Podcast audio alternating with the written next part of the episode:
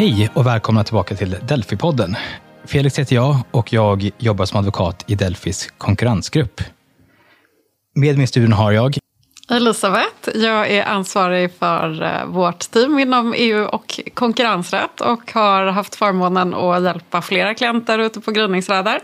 Både i förhållande till eh, kommissionen och till Konkurrensverket.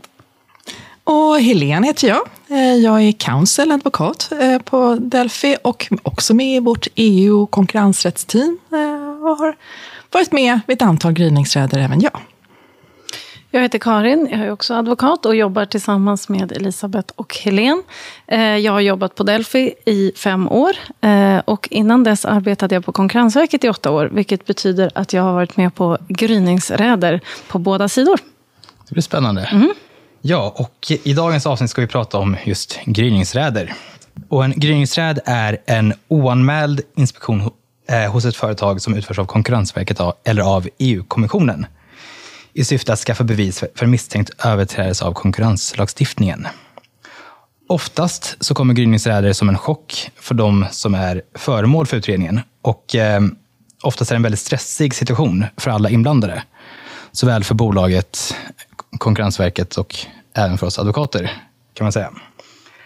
Ehm, för att ge en rättvisande bild av hur en gryningsräd kan gå till och vad man ska tänka på i en gryningsräds situation och dess olika steg, har vi valt att utgå från en sådan situation där någon av konkurrensmyndigheterna knackar på dörren. Med det sagt, knack, knack. Um, nu står Konkurrensverket vid dörren. Vad händer nu, Karin? Ja, vad händer nu? Eh, det är precis vad företaget undrar också. Eh, för att du nämnde att det är en chock. Eh, dels är det ju en chock, eh, vad har vi gjort? Vad, vad, vad, behöver vi vara med om? Men det är också, en, hela, hela grejen med den så kallade gryningsräden är att det ska vara en överraskning för företaget. Konkurrensmyndigheten tror, misstänker att det här företaget har varit del av en allvarlig överträdelse och har bedömt att det finns absolut inget annat sätt Eh, att hämta hem bevisning om den här överträdelsen. Annat än att överraska företaget och gå in eh, och hämta den bevisningen som man tror eh, att man letar efter. Um, och det är därför det kallas gryningsräd. Det är ju då för att det ska vara på morgonen för att överraska företaget.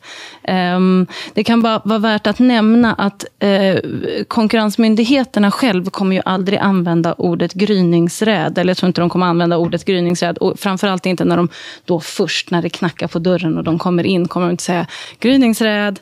Uh, utan de kommer använda ordet platsundersökning. Vilket gör, det här är ganska viktigt ändå att nämna. För att det kan bli blir lite förvirrat och platsundersökning. Vi har aldrig hört ordet platsundersökning. Um, och um, kommissionen som då uh, sannolikt pratar engelska kommer inte heller säga dawn rate, utan de kommer säga att de ska göra en inspection. Ja.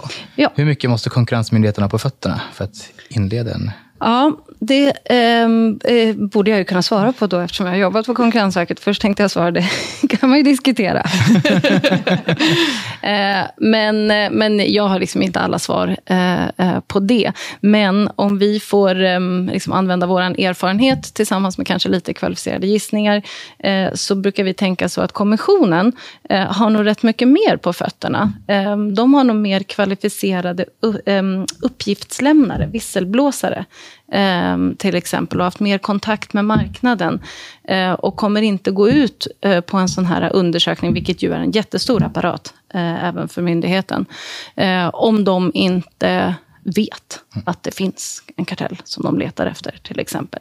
Medan Konkurrensverket historiskt har ju haft eh, väldigt mycket sämre uppgiftsunderlag innan de har gått ut, vilket sen också har resulterat i att en väldigt stor andel eh, utav deras utredningar sen läggs, läggs ner, trots att de har gjort den här ingripande åtgärden att genomföra eh, en gryningsrätt. Hos Konkurrensverket så kan det ju faktiskt, då, liksom i, i värsta fall om man så vill, vara en arg före detta anställd eh, som har fått för sig något. Och det här tillsammans kanske med någon marknadsdata eh, som ser lite konstig ut. Att eh, priserna ser inte ut som att de går upp och ner som de ska på den här marknaden. Eh, och så blir det en gryningsrädd, men så fanns det någon naturlig förklaring. Men om vi ska gå tillbaka till den här situationen då när det knackar ja. På dörren. Eh, om det är ett lite större företag eh, så har man en reception kanske, mm. eh, som är då första eh, kontaktpunkt. Vi kan komma tillbaka till sen, jag tänkte lite det här skillnader och olika slags ehm, eh, räder. Men när det är ett lite större företag så har de en reception som tar emot. Ehm, och det som är lite knepigt är att ehm, både Kommissionen och Konkurrensverket kommer ha med sig Kronofogdemyndigheten. Så det är Kronofogden som först knackar på och presenterar sig. Varför har de det? Därför att de inte har rätt att gå in um, själva i lokalerna. Uh, så därför måste de ha med sig Konkurrensmyndigheten måste ha med sig Kronofogden för att få gå in i lokalerna. Eh, så Kronofogden presenterar snabbt därefter eh, Konkurrensmyndigheten. Och då undrar ju receptionen, oh, vad händer nu? Personen som står i receptionen.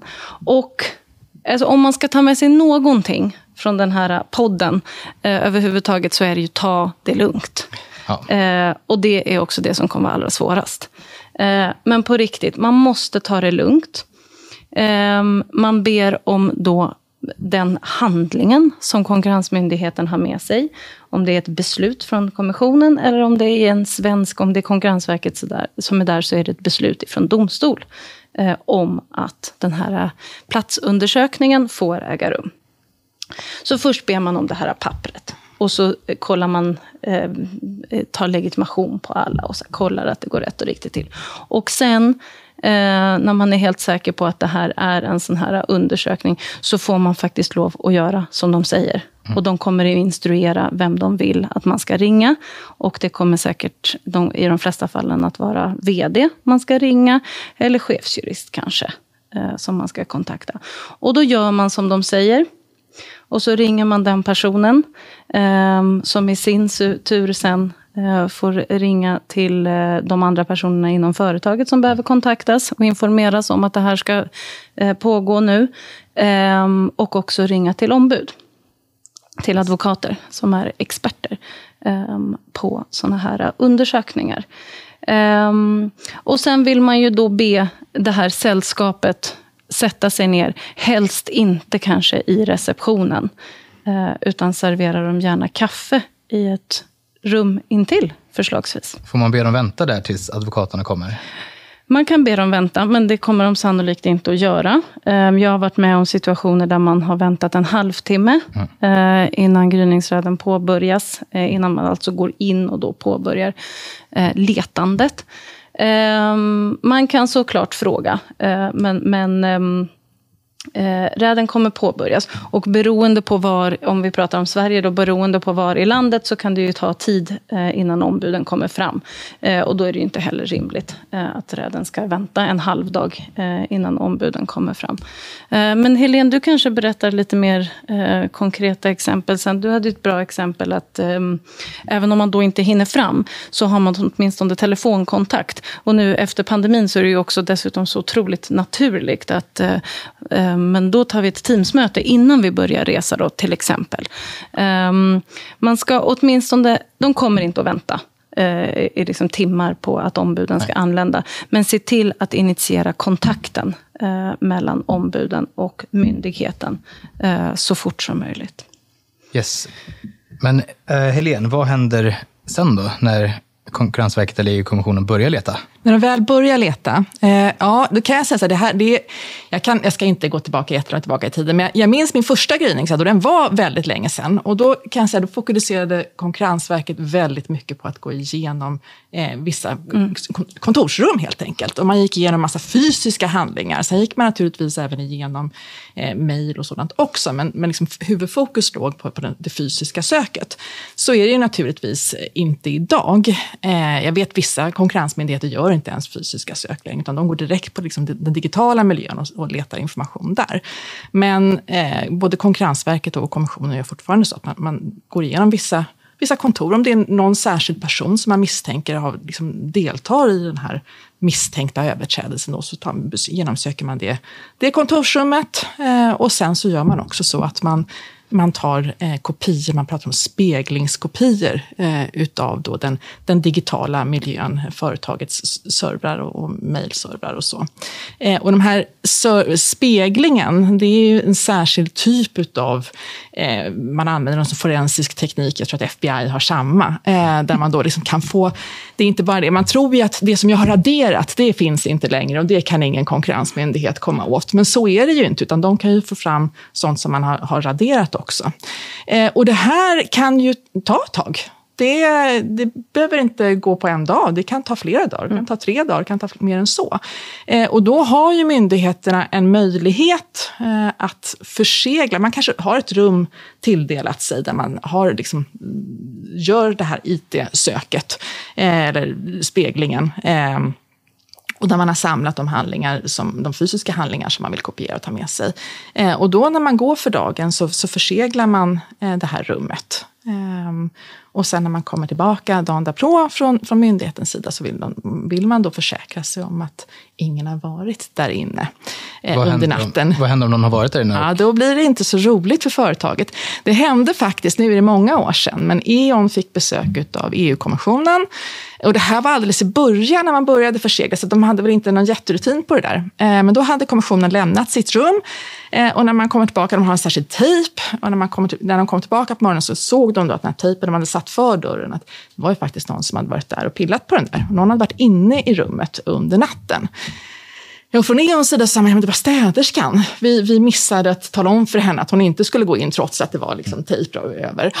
Eh, så att vi har inte, det, det, här är inte vår förskyllan, utan det, det, vi har inte gjort någonting, vi lovar. Men det brydde sig kommissionen inte om, utan Eon fick betala 38 miljoner euro eh, för, för det här. Det är ganska mycket pengar. Det är ganska mycket pengar och det EU-domstolen eh, bekräftade sen det här. Så det, det är, man, man, riskerar, om man inte samarbetar med kommissionen och sedan ett år tillbaka även med Konkurrensverket, så riskerar man böter på upp till 1 procent av, av omsättningen eh, för då att man har obstruerat. Vad kan man göra rent praktiskt för att förhindra att någon går in i rummet? Eller? Man kan ju sätta en vakt där själv. Mm. Eh, att man anlitar en vaktfirma som får komma och övervaka och bevaka dörren över natten.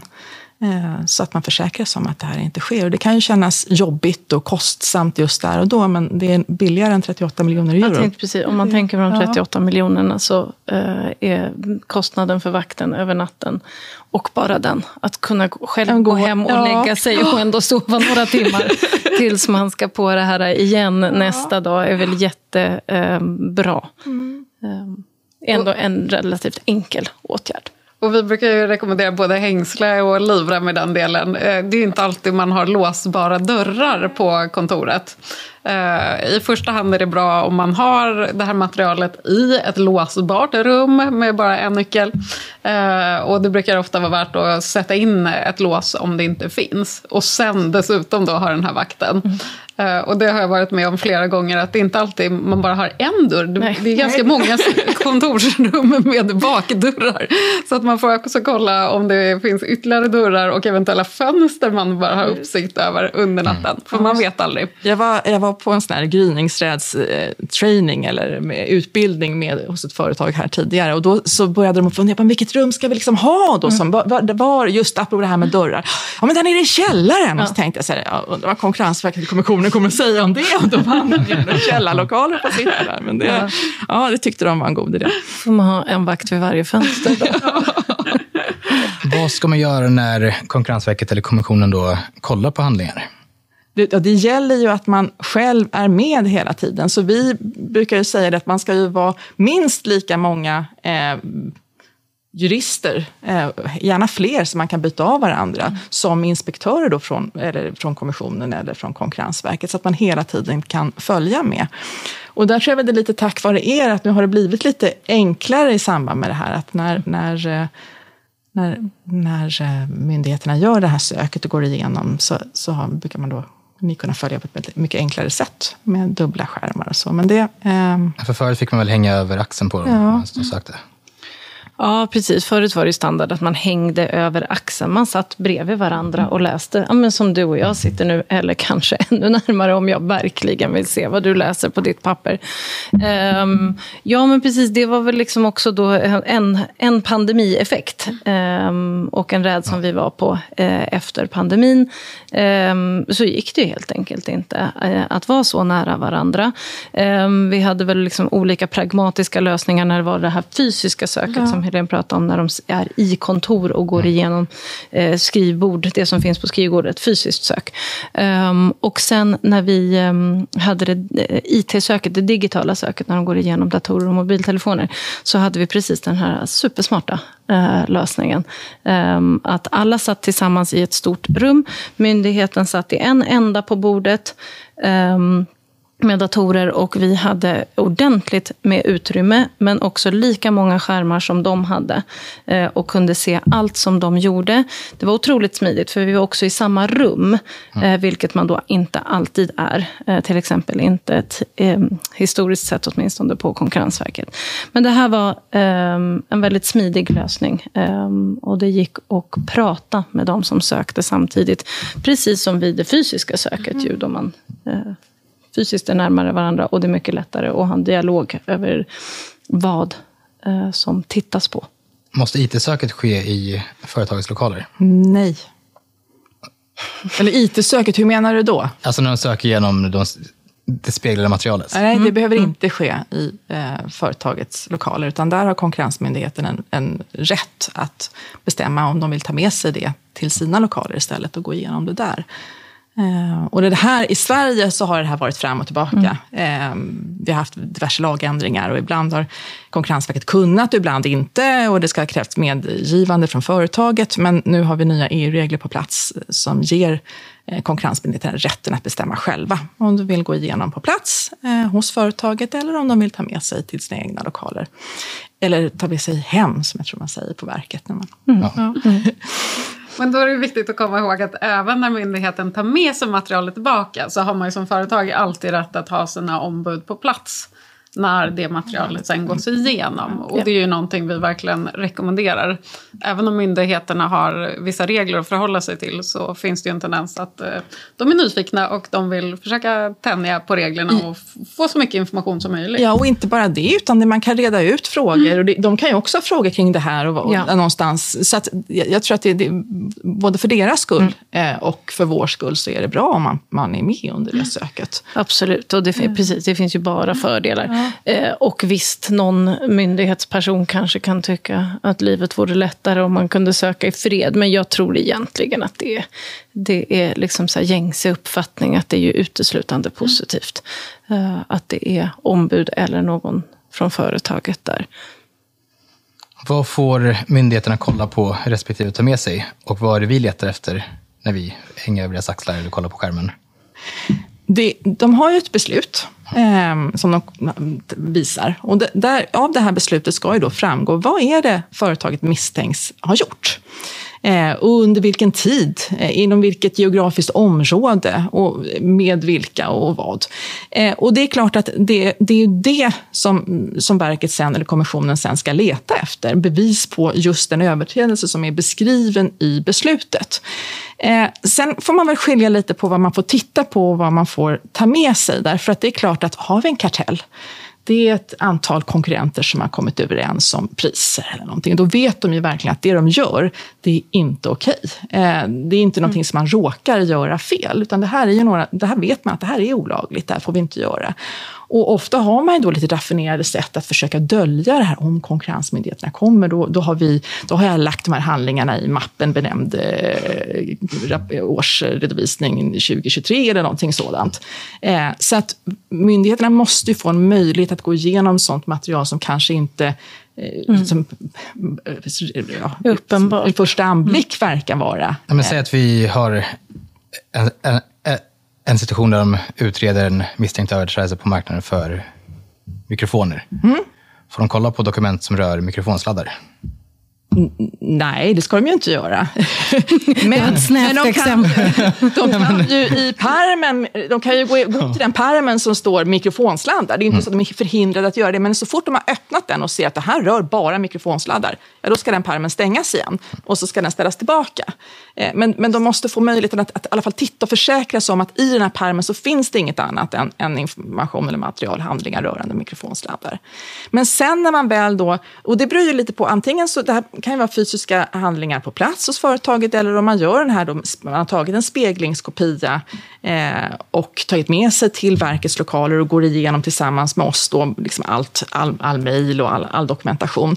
Eh, så får man ju bara sen ta ut och kopiera sådana handlingar som, som faktiskt omfattas av det här beslutet. Något annat får man inte ta med sig. Är det så att man skulle liksom någonstans fatta misstanke om att men det, kanske, det kanske inte bara är en kartell rörande mikrofoner, de kanske, de kanske har gjort någonting om mikrofonsladdar också, för jag tyckte mig se det här och det här någonstans. Det kan man inte hindra dem från att råka se, eh, men då måste myndigheten gå tillbaka till sig eh, och så fatta ett nytt beslut. Eller gå till, till eh, domstolen och få ett nytt beslut. Och så får man väl leta efter handlingar rörande mikrofonsladdar efter det. Finns det någonting de inte ens får kolla på? Ja, det finns det. Och det... En fråga. ja, det finns en del, men det, men det de framförallt inte får kolla på överhuvudtaget, det är sånt som rör korrespondens, rådgivning från oss ja. till företaget, advokat. Sånt som omfattas av vad man kallar för advokatsekretess. Det är absolut no-no, det får de inte ens titta på. Och vad omfattas av advokatsekretess? Ja, framförallt så är det ju då mejlkorrespondens, mm. rådgivning. Det kan också vara som så att jag hos företaget, eh, jag, jag, undrar lite över det här som vi gör. Är det okej okay eller inte? Jag har ringt Elisabeth. Jag vill ha ett möte. Vi ska ses på tisdag. Jag förbereder mig inför det här mötet eh, och skriver det här är mina funderingar och frågor. Det här tänker jag. Eh, sådana handlingar, då, ska, då bör jag också skriva att det här är eh, noteringar inför möte med advokat Eklund. Mm. och så. Och, och har jag den här handlingen, då har inte verket eller, eller kommissionen rätt att ta del av den heller.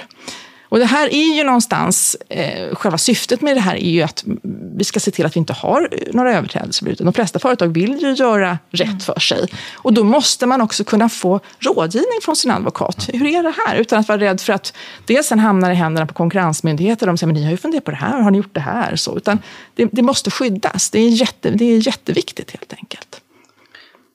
Vad händer om Konkurrensmyndigheten verkligen vill ta med sig det, men vi inte tycker att de ska göra det? Vad är förfarandet då? Jag tycker ofta att vi brukar kunna ha en väldigt bra dialog. Mm. I, I nio fall av tio kan man ju visa att det här är skickat till advokat eller från advokat. Men eh, det kan ju finnas eh, fall i gråzonen och eh, då har man rätt att begära att det här dokumentet inte får läsas av Konkurrensmyndigheten utan ska läggas i ett förseglat kuvert. Och sen så blir det upp till domstol att pröva den frågan. Uh, vi hade faktiskt en sån situation för ett antal år sedan uh, med en, en, anteckning där det inte var så tydligt men uh, där jag faktiskt hade pratat med klienten i fråga i, i ett visst ärende. och då lyckades vi ha framgång i domstol genom att kunna visa att det här faktiskt var råd från advokat. Uh, men de frågorna, det är ganska ovanligt, men den möjligheten finns i alla fall uh, till prövning till domstol. Uh, så det slutade med att domstolen då skickade tillbaka den här originalhandlingen ja. utan att myndigheten fick ta del av den. Men säg då att vi har en kartell, eller att vi inte har en kartell, men vi, vi vill verkligen inte att Konkurrensmyndigheten ska se en handling. Får vi förstöra den? nej, nej. Och det, absolut inte. Och det är väl det första man ska säga till klienten i samband, eller snarare sagt, helst sagt innan Eh, att ingenting, man får absolut inte på något sätt förstöra eller, eller försvåra utredningen. Mm. Eh. Överhuvudtaget, jag tänker att det här är väldigt viktiga eh, punkter för företagen som är med om en sån här grej att förstå. Att konkurrensmyndigheterna har ju extremt långtgående befogenheter. Vi pratar här om att eh, läsa, leta, Sen pratar vi om att kopiera och så pratar vi om advokatsekretess. Att det, bara är, det är helt olika grejer. Man, man måste samarbeta med Konkurrensmyndigheten. Är man väl i en sån här situation så har de extremt långtgående befogenheter att titta och läsa allting för att leta efter den bevisningen eh, som de vill. Sen kan man ha en diskussion om vad de får kopiera och ta med sig. Och man har definitivt en diskussion om eh, advokatsekretess, för det får de inte ens läsa. Men det är det enda som de inte får läsa. Vad händer om man skulle förstöra eller man inte kan öppna en telefon, exempelvis? Vad blir konsekvenserna? Det kan bli väldigt dyrt. Där har myndigheterna rätt att ålägga eh, böter med eh, upp till 1% av företagets årsomsättning om man då anses ha försökt försvåra utredningen. Så det kan bli oerhört dyrt. Eh, och man hamnar ju i en väldigt dålig situation Eh, i förhållande till myndigheten om de hittar att någon står och lägger papper i en papperstugg eller att de upptäcker att man under pågående räd sitter och eh, raderar mejl eller vad det nu kan vara frågan om. Det, det blir inte ett bra utgångsläge. Och radera mejl är ju helt... Då, det är ju meningslöst. Precis, om man utredningsavgift och mejlen återfinnes. Ja. Inget vunnet. Mm. Nej, verkligen inte. Så det ska man vara otroligt försiktig med. Och det är ju samma sak, man, man får inte panik då eh, det står ju aldrig i de här besluten vilka övriga företag som är föremål för en undersökning, till exempel då en kartell. Eh, men det är också en sak att man inte i panik får börja ringa runt till konkurrenterna mm. för att fråga om de har eh, besök eller inte. Utan det här är någonting som verkligen måste liksom stanna inom företagets ja. fyra väggar. Mm. På tal om att ta det lugnt ju. Och det här kommer ju ligga ja, men på företagsledningen och det är jättesvårt för dem också att förmedla lugnet under en sån här eh, utredning. Och för oss som advokater som är med och bistår. Vi måste verkligen hjälpa till eh, att hålla lugnet mm. eh, så att inte någon går iväg och gör någonting i panik. Eh, och det kanske man kan lägga till också, att det är därför vi ofta rekommenderar att man har instruktioner och även utbildningar så att eh, framförallt företagsledningen är medveten om hur en grundningsräd fungerar. För att vet man i förväg vad man kan förvänta sig så blir det mycket lättare i stundens hetta. För då vet man vilka olika steg som kommer hända och eh, vad myndigheten gör i olika skeden etc. Eh, är det här något helt obekant så blir det ganska mycket att ta in på en gång, minst sagt. Och sen så vill vi ju självklart slå ett slag för att eh, vara om sig och kring sig och se över vad man gör rent konkurrensrättsligt så att man mm. förhoppningsvis slipper hamna i den här situationen. Men som Karin var inne på inledningsvis så är det ju tyvärr många företag som råkar ut för en gryningsräd fast de faktiskt inte har gjort något. Absolut. Um, och också, jag kan bara spinna vidare lite på det, just att um, Eh, gryningsräder, eh, eh, speciellt om det är Konkurrensverket, liksom om det är Sverige, men, men liksom även säkert på konventionsnivå också, kan ju se otroligt olika ut. Um, och jag har faktiskt varit med på alla möjliga olika slags uh, räder. Från att liksom, ett litet företag, förvisso väldigt många år sedan, men um, det, liksom, där det var fokus på det fysiska söket och det var ett kontor, så liksom så ett väldigt litet eh, sök. Vi var klara på några timmar, det kom inga ombud. Det var faktiskt inte ens någon från företaget där. Det var ju väldigt speciellt. Eh, I ett delat kontorslandskap. Det hela var väldigt speciellt. Så liksom den ytterligheten till en stor omfattande kommissionsräd. Ehm, och med det sagt så vill jag säga eh, dels att gryningsräder kan se väldigt olika ut. Eh, och jag tror att det är viktigt att företag förstår förstår det. Jag tror att det är viktigt att vi som ombud också tänker på det att anpassa dels våra råd och anpassa oss när vi är där också. Det är inte one size fits all för att det, det, det kan se så olika ut. Vad jag också vill säga med det är ju tyvärr att ingen går säker om man så vill. Verkligen, vilket företag som helst kan råka ut för en gryningsräd och, och definitivt på nationell eh, nivå. Um, så att verkligen eh, jobba med eh, compliance liksom i ett förebyggande syfte. Jag tror är man ett företag där det finns där det är vanligt med eh, kontakter i branschen. Att, att man, liksom, det, man, man vet vilka ens konkurrenter är. Man kanske till och med känner sina konkurrenter. Det är vanligt med samarbeten. Det är vanligt att man ses inom ramen för olika forum. Eh, vet man med sig att man, man är verksam i en sån bransch tror jag att det är bra att um, man går steget längre. Man ser till eh, att man har utbildningar regelbundet, kanske med bolagsjuristen eller tillsammans med en advokat. Eh, ha grundläggande konkurrensrättsutbildningar så att också alla i företaget på, på rätt nivå då förstår vad som skulle kunna vara en överträdelse. För det är inte ens det är självklart eh, för alla företagspersoner. Um, och sen också ha den här gryningsrädsinstruktionen som Lisa pratade om. Det är också viktigt att både den här utbildningen eh, och gryningsrädsinstruktionen, att allt det här också implementeras. Man kan liksom ha en halvtimme på Teams för att bara gå igenom vad ska hända um, första stunden. Uh, för att, ja, vilket företag som helst kan faktiskt eh, råka ut för en sån här gryningsräd. Det finns liksom ingen de minimis eh, för konkurrensmyndigheterna att de inte får hälsa på företag som är för små.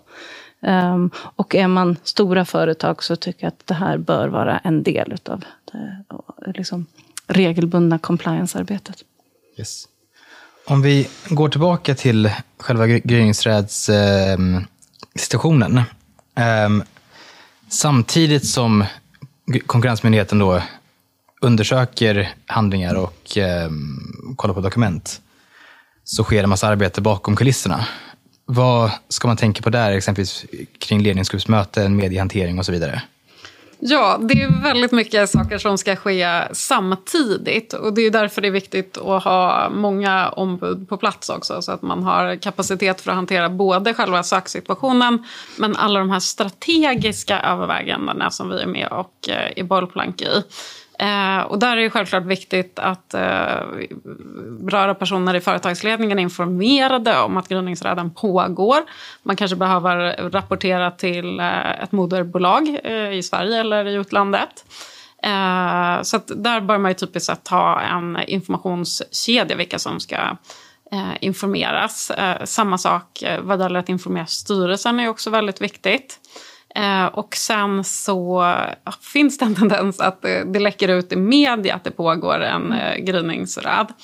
Eh, och eh, där är det också viktigt att ha beredskap från kommunikationsledningen om man kanske till och med jobbar med några externa Eh, kommunikationskonsulter också. Men där är vi också alltid med och tittar på vad man går ut för slags information. Och där är det lite olika beroende på om man är ett noterat bolag som behöver gå ut till marknaden och informera Eh, Eh, och det ser också lite olika ut när myndigheten eh, går ut och berättar i eh, pressmeddelanden om att det pågår en eh, gryningsräd. Där nämner ju myndigheten aldrig vilka företag det handlar om. Det brukar nämnas vilken bransch och eh, geografiskt område vad gäller EU. Då. Eh, men det är ju någonting som media är duktiga att snoka reda på information kring. Så att det brukar ofta kunna skrivas en hel del om media som ni säkert har sett. Eh, tidigare så eh, låg eh, myndigheten ofta lite mer lågt men vi har väl sett att kommissionen eh, senaste åren har blivit mycket mer proaktiv och är ganska snabb om att skicka ut pressmeddelanden om att man har initierat gryningsräder. Mm. Och det tror jag handlar om att skicka en signal till företagen att vi har ögonen på er och det händer ja. gryningsräder. Ja, och även Konkurrensverket har gjort det nu på ja. tid också. Så det, ja. Mm. Um. Ja, men nu är gryningsregeln slut då. Och eh, konkurrensmyndigheterna har Smidigt lämnat här. lokalerna. Och väldigt snabbt det här. I, I verkligheten kan det ta liksom allt från en dag till flera veckor. Ska ja. man medveten om. senast vi var med om det här tog det väl två veckor från början till slut. Eller var det tre veckor till och med? Ja, jag tror det. För då, då hade ju Konkurrensverket och tog de med sig eh, spegelskopiorna till sina lokaler. Och då tenderar det känns det som att ta lite mm. längre tid. Då har de inte lika bråttom när de är i sina egna lokaler som när de är ute hos ett företag. Men nu är det även slut då. Och eh, tar arbetet slut här? Nej. Vad, det är nu det börjar kan man säga. Ja. Vad händer nu? Ska Ja, det kan man. Ja. Um, nej, men då väntar ju en lång, och ordet lång är otroligt relativt. Uh, men då påbörjar ju, på, påbörjas uh, myndighetens utredning. Ju. De har såklart gjort en hel del utredning innan. Um, men säg att de har kopierat ja, allt mellan hundra och tusentals eh, dokument. Då ska ju de gås igenom och, eh, och då börjar ju ändå deras utredning på riktigt. Mm. Um, så då, på, då, då blir det en lång utredning. Beroende, det beror helt på vad det är för överträdelse, hur många olika företag som är involverade. Det, beror, det är lite skillnad mellan nationell myndighet Eh, och eh, e EU-kommissionen också. Dels hur lång utredningen är och också lite hur den går till och hur mycket kontakt man har med myndigheten. Ehm, är det svenska Konkurrensverket eh, som utreder så skulle vi ha kontakt om, om vi då är ombud för företaget som har råkat ut för den här utredningen. Så kommer vi ha kontakt med myndigheten snabbt. Ehm, förhoppningsvis träffas ehm, så att eh, företaget får en bättre bild av ehm, vad misstanken rör. och också att man får ge Konkurrensverket den ytterligare informationen som de eh, behöver också. Det är inte lika vanligt eh, att ha lika öppen dialog, om man säger, med kommissionen. Det är liksom inte deras arbetssätt. Men lång utredning och sen också helt relativt hur tung den utredningen kommer vara för företaget. Det kan ju vara så att det går flera månader utan att man hör någonting. Men det kan också vara eh, tät kontakt om man får svara på frågor, mycket frågor. Eh, och det är betungande. Ska man eh, som företag sitta still och vänta på att myndigheterna hör av sig? Eller ska man försöka arbeta proaktivt? Om vi eh, håller oss då till det svenska eh, så tycker jag Generellt sett nej. Om jag måste välja ett nej eller ja, så kommer jag svara nej. Men det kommer såklart också bero så mycket på eh, vad som framkommer i den, under den här gryningsräden. Eh, men generellt sett, magkänslan är väl sitta på händerna känns rätt dumt. Ja, och alldeles oavsett, man, man ska ju själv försöka också utreda internt. Mm. Alltså det, mm. Konkurrensverket gör sin utredning, men vi måste ju veta ja. vad är det som har hänt. Mm. Så det börjar ju ett enormt arbete hos företaget också, för det kan ju hända att det är ett stort företag så, så är det kanske ledningen kanske inte har en aning om vad som har hänt, utan det är någon på någon någon säljare som tillsammans med säljare hos sina konkurrenter har kommit överens om någonting. Så det kan, ju, det kan vara ett enormt utredningsarbete som, som ligger framför även företaget, så att man någonstans i alla fall håller jämna steg. Eh, mm. Gärna vill man kanske vara steget före, men i alla fall mm. man håller jämna steg med, med myndigheten i deras utredning. Och sen så ska man komma ihåg att eh, det är som sagt inte alltid det finns någon eh, riktig misstanke bakom. Mm. Utan det, det, kan ju som sagt vara att företaget faktiskt har agerat fullt lagligt. Och allt bygger på någon slags eh, missförstånd om man säger så. Eh, så att där är det ju väldigt mycket vår roll att dels titta på de dokumenten som myndigheten har tagit med sig. Men även titta på all kringliggande information och dokumentation. Mm. Eh, för att skapa oss en bild. Vad har vi att säga till vårt försvar? Eh, och där handlar det ofta om väldigt mycket med intervjuer med berörda personer. Eh, och sen läsa då kringliggande dokumentation för att börja bygga det här försvaret också. För att myndigheterna tar ju typiskt sett bara dokument som de tycker ser illa ut. Om man ja. säger så. De tar inte de dokumenten som talar till företagets fördel. Eh, och det kanske vi kan lägga till också vad gäller inledningsskedet av räden. Det är ju inte så att myndigheten letar i blindo utan de har ju typiskt eh, identifierat ett antal personer som de då tror är involverade i den misstänkta överträdelsen. Eh, så de har typ sett en lista på namn och det är de personernas kontorsrum och sen även då datorer och mobiltelefoner som de ber att få tillgång till. Så det är också bra att känna till att det kan uppstå ganska ansträngda situationer när en person får reda på att jag kommer vara utan dator och telefon mm. på obestämd mm. tid. I bästa fall så får man tillbaka det senare samma dag eller dagen efter. Men ibland kan det ta ännu längre tid. Mm. Så det kan ju ställa till väldigt mycket Eh, problem i verksamheten. Så att det inte är så att man ska lämna in eh, ett jätteviktigt anbud till exempel. Då är det viktigare att det finns många andra personer som har tillgång till den dokumentationen. Och de här personerna kommer inte få någon ingående mejlkorrespondens eller eh, Nej telefonsamtal. Eh, så det kan vara bra att veta. Sen kan den här listan eh, utökas och den kan minskas också. Så den, den, är inte huggen i sten på något vis. Ja. Men det finns alltid några personer som är i fokus. Och då är det viktigt att ha en plan just där. Jag tänker, för det finns ju exempel, jag tror inte, jag tror inte det var något viktigt anbud man skulle lämna in, men om man ser till den praxis som finns hos EU-domstolen, det är ju exempel på företag som, där man har, inte, man, har, man har låst vissa mejlkonton under en viss period.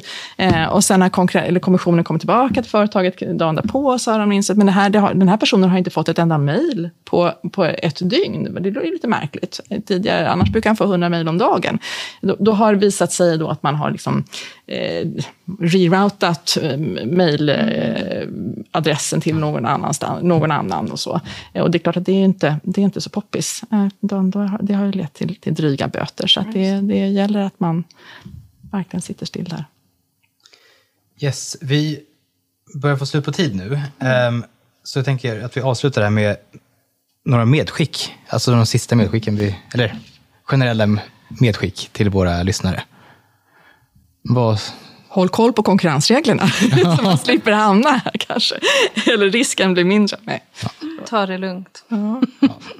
Ja. Men, samarbeta i kombination mm. med att verkligen ta tillvara företagets rättigheter, det är ju jätte, jätteviktigt. Mm. Ja. God dialog, det kommer man komma en bra bit eh, på vägen med i en sån här situation. Ja, eh, mitt medskick är väl egentligen att Konkurrensmyndigheten består också av människor. Mm. Eh, Exakt. Det är lätt att glömma bort det i mm. stundens hetsa. Så tänk på att le. Mm. Och, ja, för att det förenklar dialogen mm. längre fram. Och man mm. slipper um, hetta upp situationen mer än, än man behöver. Ja, just det. Ja, det är ett jättebra inspel. Ja, men med det sagt så um, tackar vi för oss och säger på återseende. Tack. Tack så mycket.